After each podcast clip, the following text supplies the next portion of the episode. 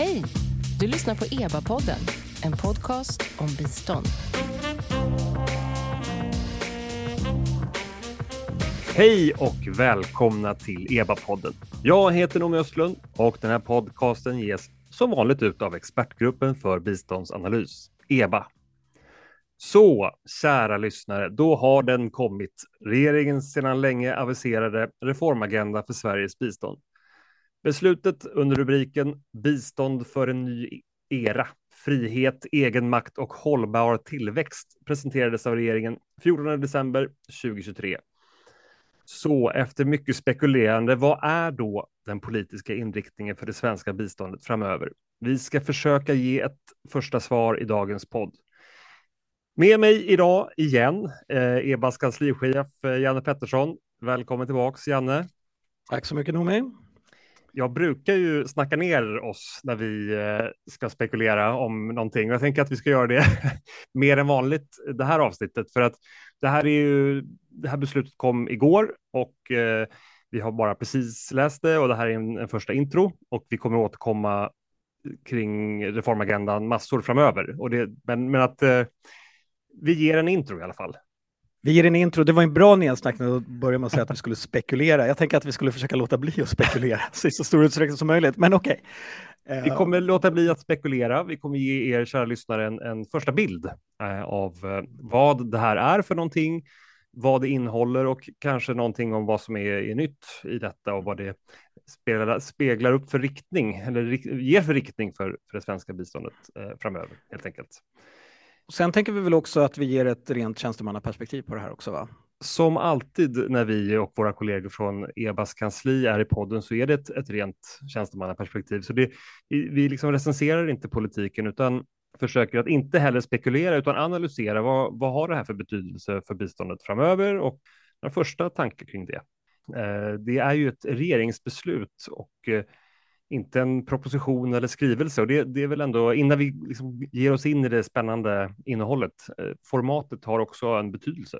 Ja, men det har det ju. Och en, medan en proposition då är, man kan väl säga, uttrycker det som en fråga till riksdagen där man ber om lov att få göra någonting som riksdagen sedan beslutar om så är ju en skrivelse någonting som riksdagen också brukar yttra sig om men som ändå är någonting som regeringen ändå bestämmer över. Men man tar ju så att säga in synpunkter på ett ganska formellt sätt. Och det här är ju då ett regeringsbeslut som man inte sänder till riksdagen för synpunkter innan beslut. Och det var ju ganska tydligt när den här beslutades kan man väl säga att eh, hela Sverige har ju väntat på den här väldigt länge och man har tittat i ärendeförteckningen varje onsdag kväll kommer det på regeringssammanträdet och nej, den fanns inte med i onsdags heller.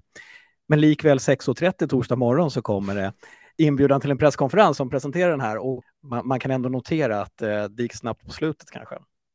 Det gick snabbt på slutet eh, och det ska vi säga, det, det har tagit ett år ungefär sedan, sen regeringen tillträdde att ta fram den här och det har diskuterats mycket om det är lång tid eller kort tid, men nu är den här. Jag ska väl säga någonting om att, att det här beslutet innehåller, alltså det är, det är också väldigt tydligt och det, det kommer också tror jag, definiera lite vårt samtal, att det här är en startpunkt snarare än en, en slutpunkt. Det här är ett, ett beslut som innehåller en mängd olika prioriteringar, mål, mycket aktiviteter som ska genomföras, nästan 180 stycken tror jag.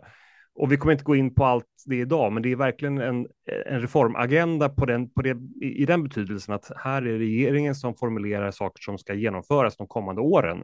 Så ska vi ge oss in i vad det här är för någonting? Vi tänkte väl att vi, vi pratade igenom det från start till mål och sen så Eh, gör vi lite nedslag och eh, spaningar genom eh, det här beslutet och sen så avslutar vi med lite liksom samman, sammantagna reflektioner från läsningen. Man kan inleda med att säga att det är ett ganska kort dokument. Min är 29 sidor för jag har den tillgänglighetsanpassade dokumentet. Jag tror att den tryckta formgivaren är ännu kortare, va? den är på 22 sidor eller något sånt. Vi, vi, går väl från början och säger att den inleds med en påfart där den någonstans motiverar reformagendan och, och det tycker jag är intressant. Den motiverar reformagendan, eh, kanske till skillnad mot vad som sägs i den politiska debatten, väldigt mycket med omvärldsförändringar. Det är en ny tid, omvärlden ser annorlunda ut än vad den gjorde tidigare. Så den, det är så mycket aktiv argumentation för att det tidigare har varit en felaktig politik. Eh, det tycker jag är noterbart ändå. Vad ska vi säga mer om inledningen? Nej, men den beskriver väldigt mycket. Den beskriver situationen i Ukraina, den beskriver liksom som klimatförändringar, den beskriver covid-pandemin och så vidare. Precis som du säger, ett antal liksom, förändringar i, i omvärlden och att det ställer krav på en, en ny politik. Och sen avslutar man och säger att det här är riktningen för biståndet under de kommande åren och att det ersätter det tidigare policyramverket och också den tidigare strategin för multilateral utvecklingspolitik. Och sen så går man vidare egentligen från det in i själva dokumentet och då kommer väl egentligen en till öppningsavsnitt, en, en reformagenda för biståndet där man i fyra avsnitt egentligen slår fast regeringens skulle jag säga, övergripande principer för den här politiken. Dels eh, ett avsnitt som handlar om fokus på långsiktighet, transparens och effektivitet som har varit liksom ledorden för, eh, för den här politikutvecklingen.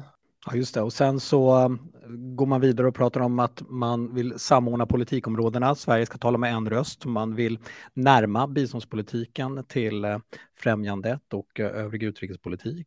Det här, och det tycker jag ändå är, är spännande. Jag tror att vi kan komma tillbaks till det. Utvecklingspolitiken är en del av utrikespolitiken och att det hänger samman just med säkerhetspolitik, handelspolitik, klimatpolitik och eh, migrationspolitik kanske har det inte varit uttryckt på det här explicita sättet förut, utan det har varit utvecklingspolitiken för sig själv.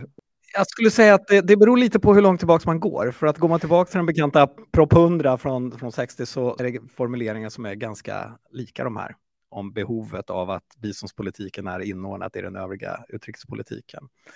Och det tror jag också är någonting vi kan återknyta till sen i liksom de avslutande reflektionerna. Hur mycket av det här är sprillans nytt och hur mycket Eh, Eh, kan man se spår av tidigare politik för att spoila den diskussionen redan nu.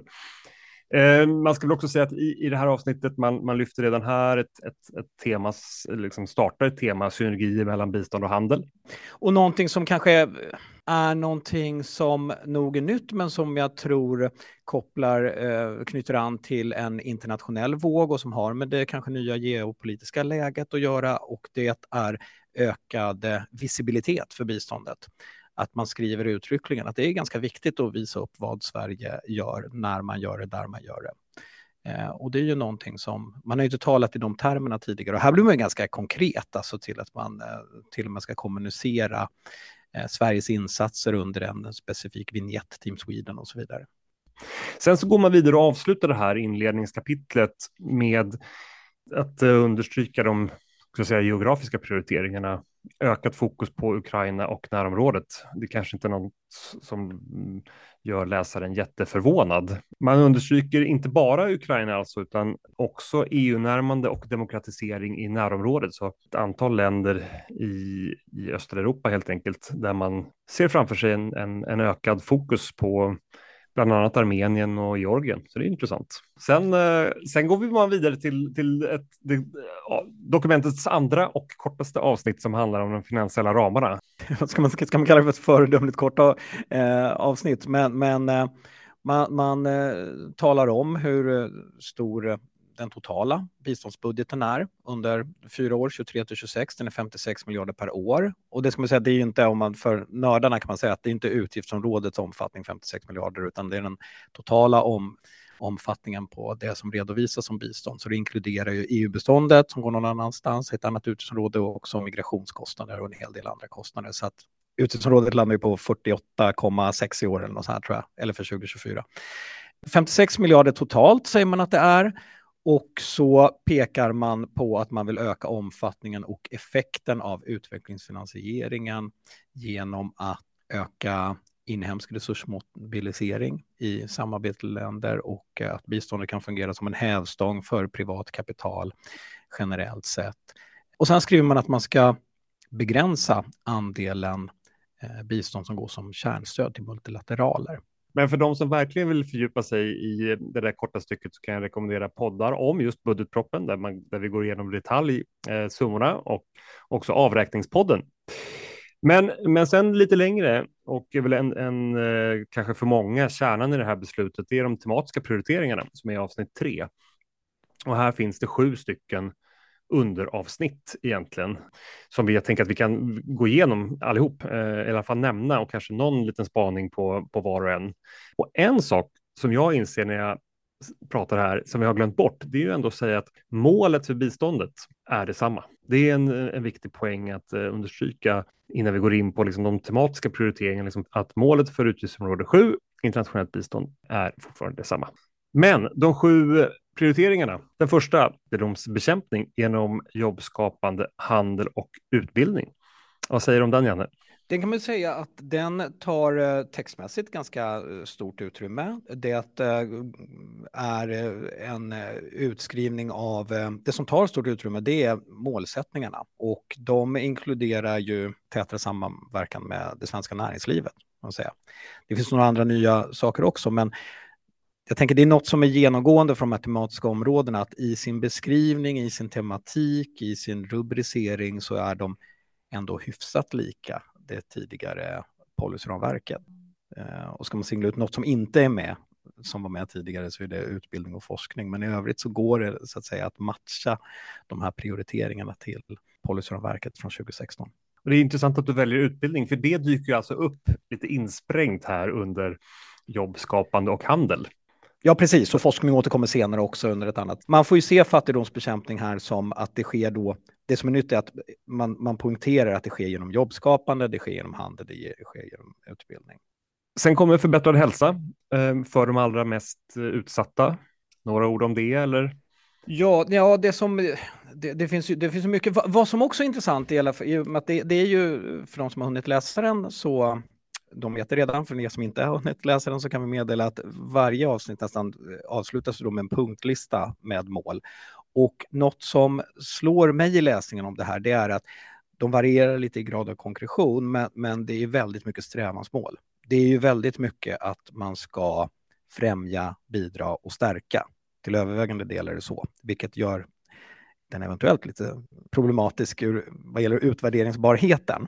Men, men det finns några eh, mer konkreta saker. Men no, och någonting som står ut i SRHR-delen här, det tycker jag att man uttryckligen säger att det är något som man vill integrera i, i eh, utbildningshälso och sjukvårdssystem. Så det, det, är en uttalad ansats. Just det, och det ska vi väl också säga om de här aktiviteterna eller målsättningarna som återkommer under varje avsnitt, att de i stort i alla fall eh, faller på regeringen själva. Det formuleras som regeringen avser göra och sen så kommer en punktlista med olika målsättningar och prioriteringar och, och aktiviteter lite blandat. Och man kan väl också säga att varje sån här rubrik är formulerad som ett mål också. Så att eh, det handlar om förbättrad hälsa för de eh, allra mest utsatta, till exempel på, på hälsoområdet. Och, eh, även de andra, främja frihet, bekämpa förtryck. Tidigare policyramverk så var det ju mer att, att det var som ett tematiskt område, demokrati. Den hette ju demokrati och eh. mänskliga rättigheter tidigare och rättsstatens principer. Nu heter den främja frihet och bekämpa förtryck. Det, det är sant. Och vad, vad står ut i, i den då? Jag tycker den, man pratar om en särskild satsning för att skapa förutsättningar för fria val. Något som man kanske vill lyfta upp där och som man själva lyfte upp på presskonferensen. Ja, alltså det finns ju som sagt, alla de här avsnitten är, är väldigt breda, så det finns mycket man skulle kunna, vi skulle kunna mm. prata till ett avsnitt bara om, om eh, det här avsnittet. Men jag tycker det är intressant att man lyfter upp um, digitalisering, uh, otillbörlig informationspåverkan till exempel väldigt mycket, cybersäkerhet uh, som ett nytt och och högaktuellt eh, tema. Sen kommer ett avsnitt som jag tänker där man i alla fall kan utläsa stora förändringar redan i den här texten och det handlar om ett utökat och effektiviserat klimatbistånd. För här säger regeringen att ökad effektivitet uppnås genom större fokus på stora utsläppsländer. Och det är ju inget som man jobbar med i det svenska biståndet idag, i alla fall inte på den bilaterala sidan. Och där har eh, har ju vi på EBA publicerat ganska nyligen en kartläggning av det svenska klimatbiståndet som visar just att när det gäller utsläppsbiståndet så går det till länder där det inte finns så mycket utsläpp. Så att här är det ju en, en rejäl förändring i, allokeringen av pengar. Ja, det är ju sant. Ska man uttrycka det kort så är det ju så att ska man, ska man verkligen satsa på utsläppsminskningar då kommer ju det biståndet att det till största del riktas också till medelinkomstländer i, i, i större utsträckning. Um, något, något som ytterligare som står ut i, i det här avsnittet tycker jag, och det kan man läsa ska vi säga, elakt eller snällt, eh, det är att man skriver att hänsyn till klimat och miljöpåverkan ska tas där så är relevant. Och eh, det kan man läsa som en form av integrerande ansats, att man vill ta hänsyn till klimatfrågan generellt sett, men ibland är det inte relevant. Ett annat sätt att läsa den det, det är ju att man försöker ta den eventuella konflikten mellan fattigdomsbekämpning och klimathänsyn på allvar och säga att prioriterar man fattigdomsbekämpning så får klimaten stå undan. Jag tror inte att skribenterna skulle ställa upp på den sista tolkningen, men, men det, det, den öppnar ändå upp för två möjliga tolkningar, så man får väl se hur det blir i praktiken senare. Det kan vi redan nu säga att, att det är väl också en, en av eh, sakerna vi kommer återkomma och diskutera. Det här behöver omsättas till praktiken i stora delar. Det här är ett, ett, ett, absolut ett inriktningsbeslut, men det kommer behöva omsättas i nya strategier. Det kommer behöva omsättas i regleringsbrev och kanske till och med instruktionsförändringar för ansvariga myndigheter. Så det, det här är en startskott mm. väldigt mycket. Ska vi gå till femte området här? Det tycker ja. jag vi ska göra. Att stärka kvinnors och flickors frihet och egenmakt. Och det tycker jag, det är väl intressant att jämföra lite med eh, tidigare var ju jämställdhet inte bara ett prioriterat område utan också ett, ett tematiskt perspektiv som skulle integreras i, i allt svenskt bistånd. Det framgår inte riktigt lika tydligt här. Nej, man, skri man skriver ju första stycket där att det ska beaktas i alla relevanta insatser, står det. Det blir spännande att se exakt hur det, hur det kommer realiseras och liksom vilken, om det blir någon förändring eller inte. Och det, det kan man väl också säga Eh, när man ser på helheten av det här beslutet, att för att verkligen förstå förändringarna, som, som, du var inne på när vi började presentera de här tematiska områdena till exempel, så väldigt mycket så skulle de här kunna vara de tematiska prioriteringarna även för det förra. Så det är inga, det är inga 180 graders svängar om man tittar bara på det här. Och det, det, som har pratats med som en 180 graders sväng, det är ju det sjätte området här som också har en, en målsättning i rubriken som säger att man ska ha stärkta synergier mellan bistånds och migrationspolitiken. För migration var ju ett prioriterat område också i policyramverket och där det skiljer sig här kan man väl säga det är ju att man här fokuserar på det svenska intresset att motverka irreguljär migration. Det, det, är väl det som är nytt och det som har pratats mest om i media är ju också eh, den uttryckliga tanken att villkora delar av utvecklingsbeståndet eh, för mottagande av eh, sina egna medborgare i partnerländer. Min gissning är att det där kommer Precis. handla om ganska lite pengar och inte kommer vara en så att säga storleksmässigt betydande del av, om man tittar på de 56 miljarderna, redan nu har och kommer diskuteras mest om.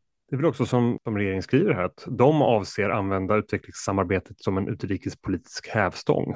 Eh, och det, det är väl kanske i, i förhandlingarna just stat till stat som det kommer att märkas och är kanske inte så mycket på insatsnivå, men det återstår att se. Mm. Helt enkelt ett av våra teman här i podden. Sen efter det så kommer som sista avsnitt eller sista prioriterade område ska vi säga, det är ett stärkt humanitärt stöd för att rädda liv och lindra nöd. Och här stärkt, jag tror på pressträffen pratar man om att det också innebar att det skulle öka i, i liksom relativa termer, så ett, ett större humanitärt mm. bistånd. Mm. Och det som, är, det, det som kanske är nytt och, och, inte helt lättolkat för att det är kort skrivet, tänker jag, i de här punkterna, det är eh, dels att man vill prioritera samverkan med likasinnade eh, humanitära givare och organisationer, för då får man ett större genomslag, skriver man. Man har en inledande skriven här där man skriver att man ska verka för en tydligare prioritering inom det humanitära biståndet. Och vad det är, hur det ser ut eller hur man har tänkt sig, det, det framgår inte i dokumentet. Återigen, det är någonting som ska bli spännande att följa. Verkligen, och jag menar var och en av de här om det var 150 eller 180 delpunkterna kan ju bli en, en, en stor eller liten förändring i sig. Så det är de sju prioriterade områdena. Som sagt, det finns otroligt mycket mer att säga där, men vi ska försöka gå vidare till, till nästa avsnitt. Så har vi alltså avsnitt fyra som handlar om reform av regeringens styrning av internationellt bistånd. Och det är ju för oss styrningsnördar jättespännande. Här finns det ganska stora förändringar, eventuellt om man ska göra några spaningar så har man fyra rubriker. Ehm, fokus på långsiktighet genom resultat och kvalitet. Och det jag ser där, det är ju att man går från biståndsstrategier till landstrategier, det vill säga strategier där man ska se på hela de, alla de svenska intressena när man sätter mål för det svenska utvecklingssamarbetet.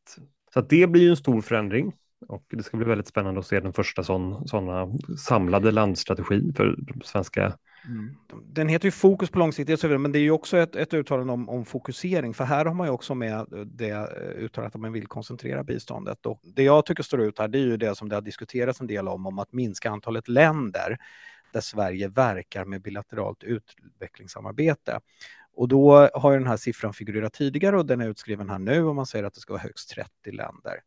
Och det är ju antingen en eh, väldigt liten reform eller en väldigt stor reform beroende på vad det är man egentligen avser. För tittar man på de, tittar man på de länder man har så att säga ett eh, formaliserat bilateralt samarbete med där man har eh, en landstrategi, till exempel, då är det ungefär det här antalet. Det finns eh, i budgetpropositionen nu när man listar dem så listar man 22 landstrategier och nio regionala strategier där det då ingår ett antal länder. Jag vet inte exakt hur många länder det där blir, men det blir väl 40 plus länder och ska man gå ner till 30 är ju det kanske inte en enorm minskning. Det är framförallt inte en enorm minskning om man jämför med det antal länder där svenskt bistånd i någon form verkar.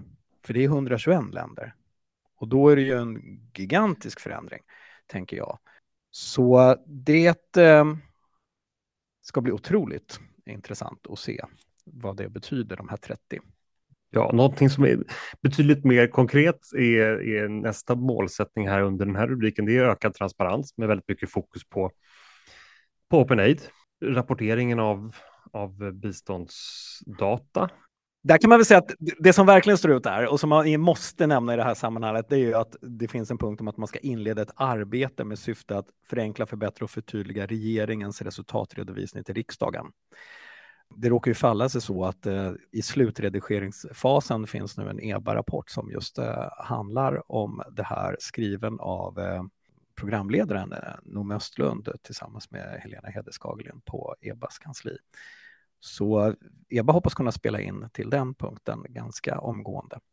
Det hoppas vi. Det hoppas vi. Och vi skulle också säga att det, det finns en studie om transparens eh, också via OpenAid som kommer i början av nästa år. Så det, till båda de här frågorna så kommer vi förhoppningsvis bidra med någonting intressant i början av nästa år.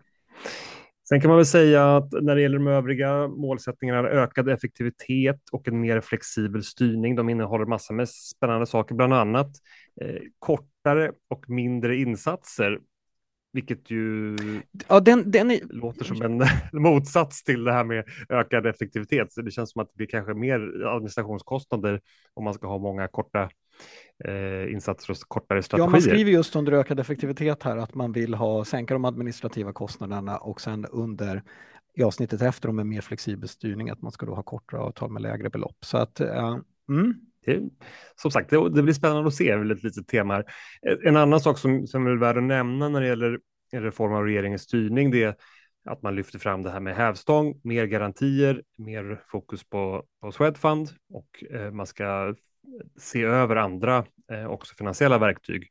Och sen det sista avsnittet, för det är det väl, va? jag har inte missat ett sjätte avsnitt tror jag, det femte avsnittet, det handlar om vem vill Sverige då, vem tycker då regeringen att eh, man ska samarbeta med. Vilka kanaler ska vi använda? Vilka aktörer ska vi liera oss med, eller samarbeta med? Och där inleder man ju med att prata om en stärkt regeringsdialog. Och det tycker jag är något intressant för att det talar om att, och jag tycker i många skrivningar i den här så pratar man om biståndet som en relation regering-regering och ett, vad ska vi säga, ett upplyftande, en återgång till ett stat-stat-samarbete som eh, väl kanske har varit lite begränsad de sena, senare decennierna. Så det är första. Man ska stärka regeringsdialogen och det kopplar också till att man ska gå från biståndsstrategier till landstrategier. Man, det som står ut där är att man talar om att det är viktigt att Sverige förtydligar vilka förväntningar man har på samarbetsländerna och att man vill skapa en förståelse för svenska aktörer också i partnerländer och vilka fördelar eh, de svenska aktörerna har att erbjuda i samarbetena. Stämmer. Sen går man vidare till EU-beståndet och säger att man vill ha ett kraftigare genomslag för Sveriges prioriteringar i EU-beståndet. Och vill också ha ett större, inte bara ett större inflytande, men också en större närvaro med sekunderingar. Och eh, både inflytande i EU och sekunderingar i EU är någonting som EBA har eh, spännande och ganska nya rapporter om, så det kan jag verkligen rekommendera.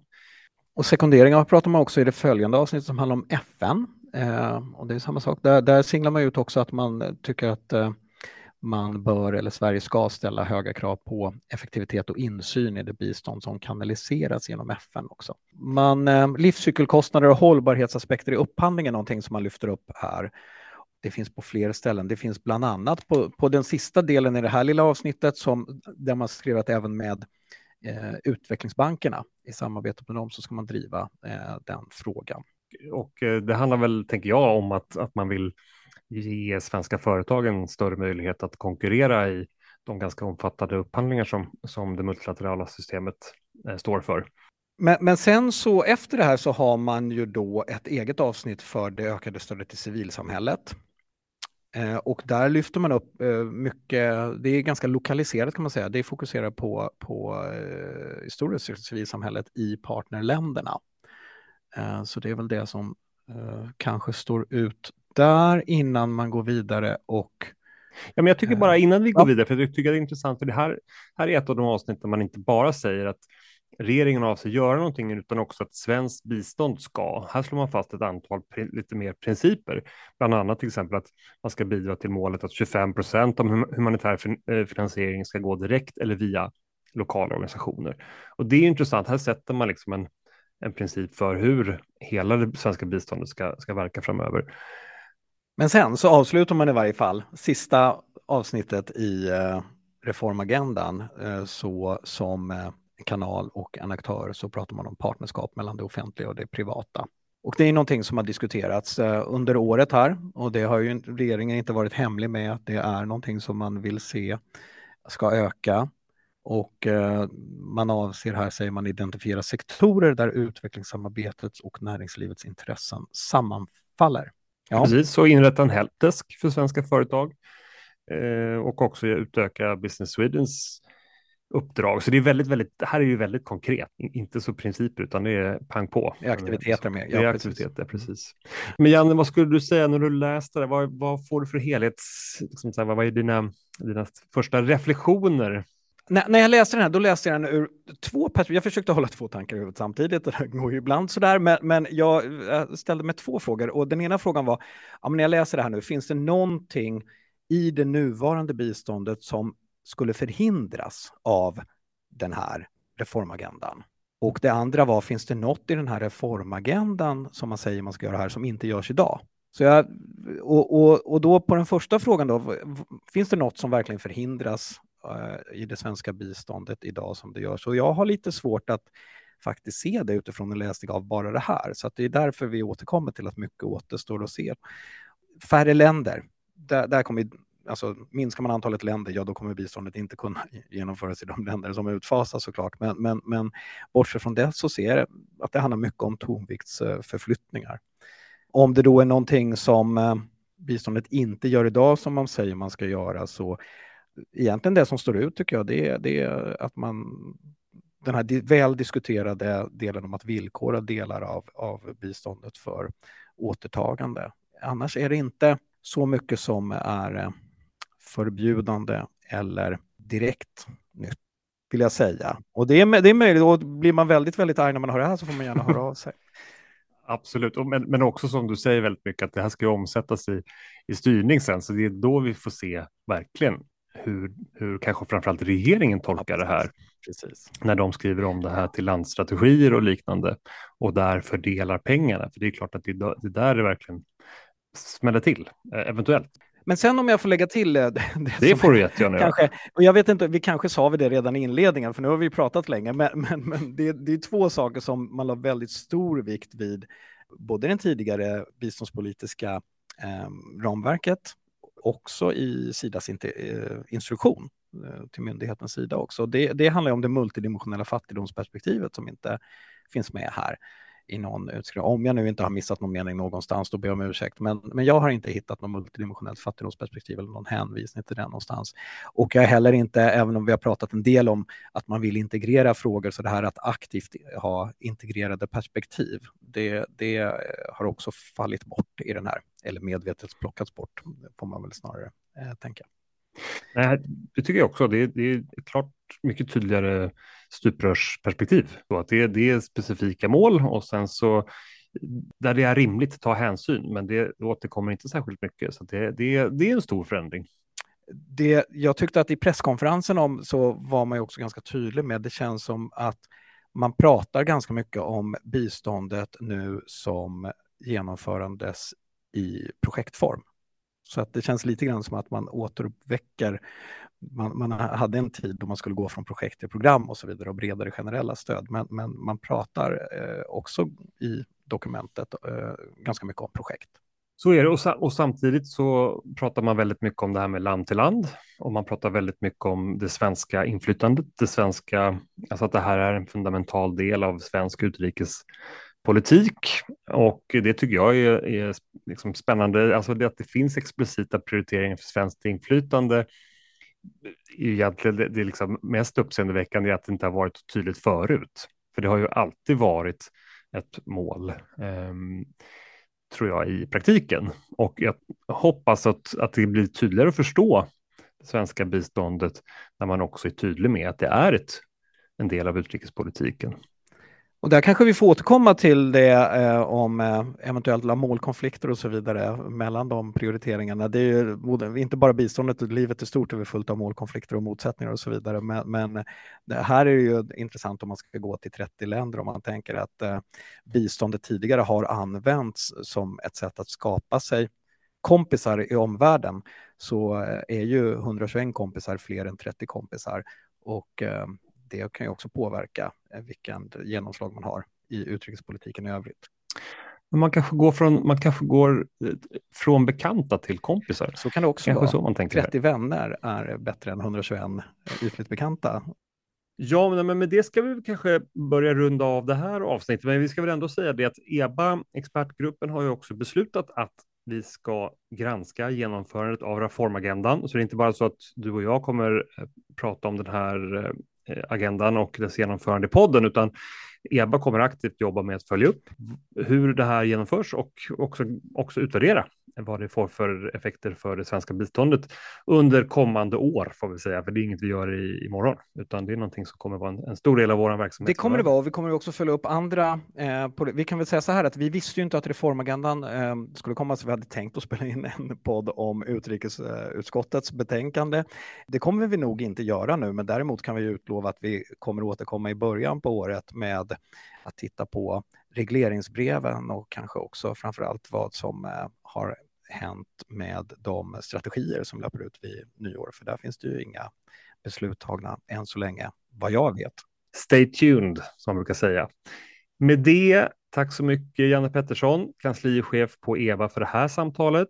Och eh, regeringens beslut hittar ni faktiskt på regeringens hemsida, men på EBAs hemsida hittar ni massor med rapporter och eh, andra poddar som berör de här frågorna som vi har eh, Eh, varit inne på idag, så missa inte det. Jag heter Noomi Östlund och tack för att ni har lyssnat på EBA-podden.